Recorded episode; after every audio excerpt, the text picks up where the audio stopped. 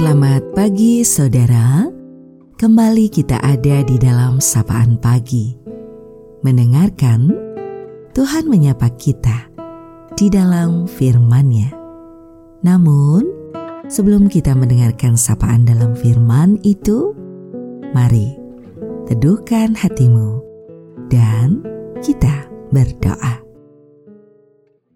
Terima kasih Tuhan, hari yang baru telah kau berikan.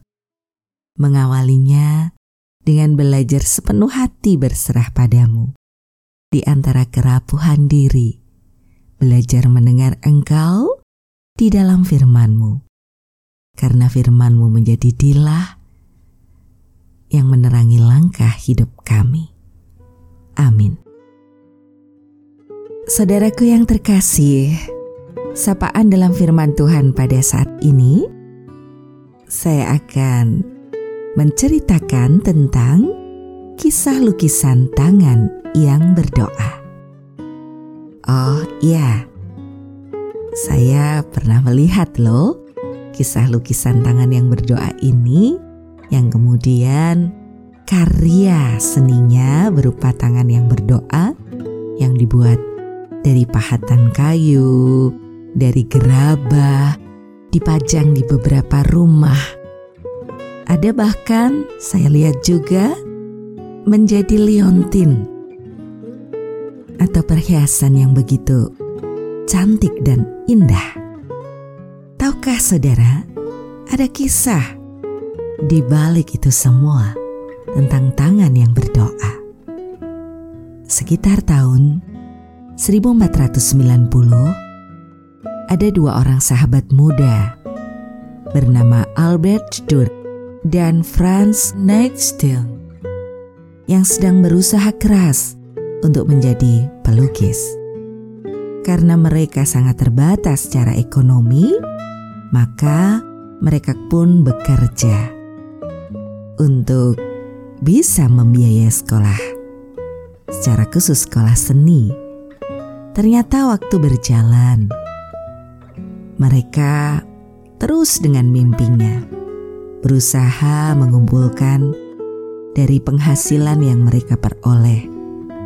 Mereka bekerja sebagai buruh, saudara, dan akhirnya mereka membangun kesepakatan bersama.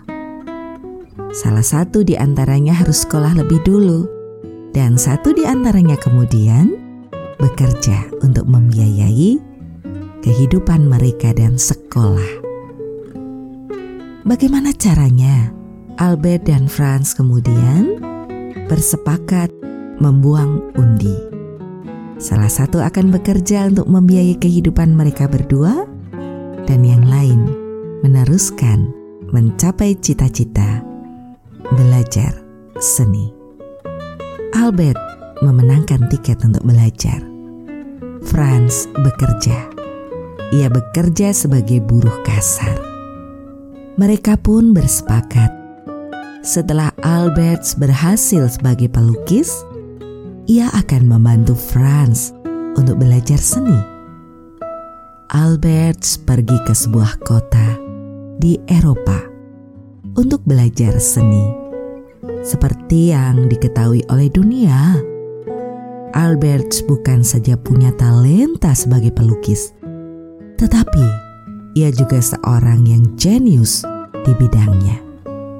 Saat Albert telah meraih sukses, ia kembali kepada sahabatnya, yaitu Franz. Ia ingin memenuhi janji mereka berdua. Giliran Franz untuk belajar, dan Albert yang akan membiayai sekolah.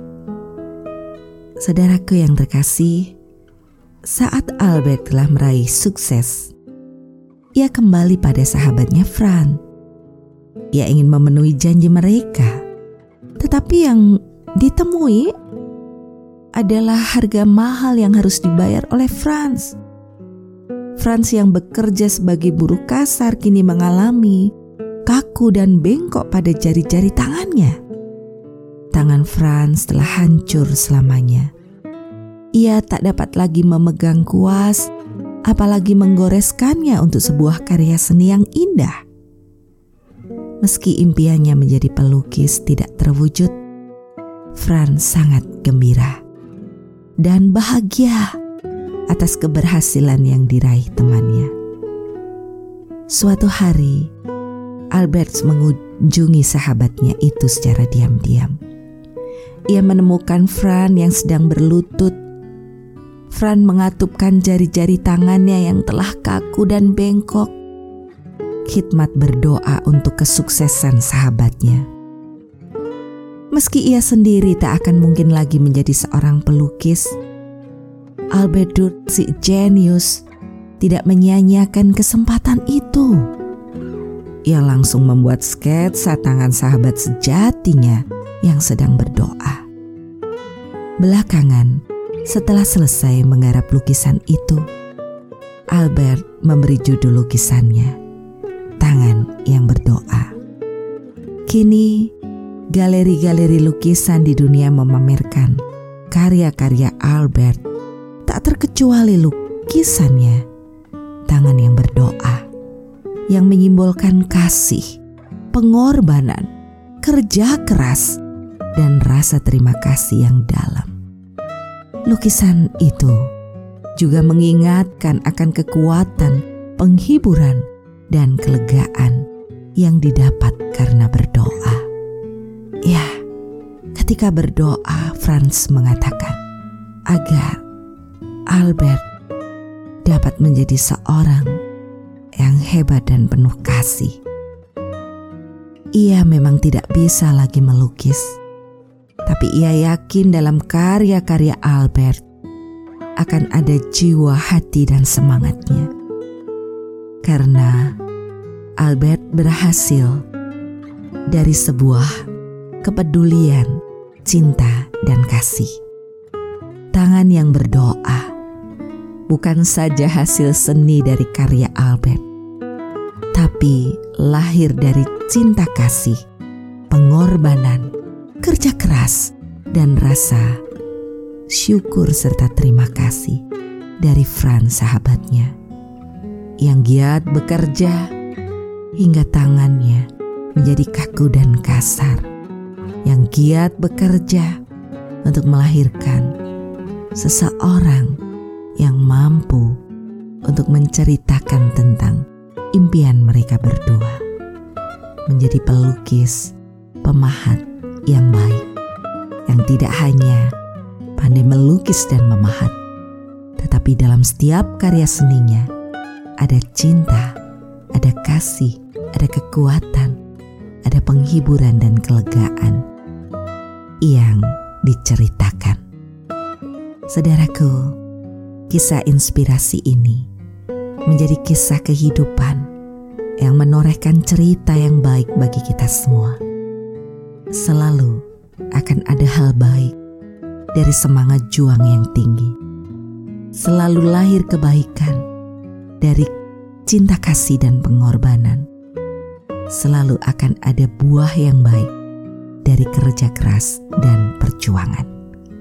Tuhan mengasihi dan merengkuh kita dengan cintanya.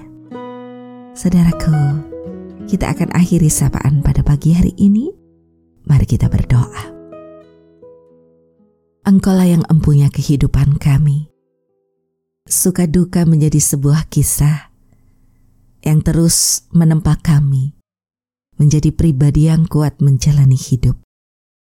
Maka dalam suka dan duka ini, dalam berbagai hal yang terjadi di hidup kami, kami belajar berserah kepadamu sepenuhnya. Hanya di dalam Engkau Tuhan Yesus yang memberikan pengharapan kehidupan bagi kami semua. Amin. Saudaraku yang terkasih, demikianlah sapaan pada pagi hari ini.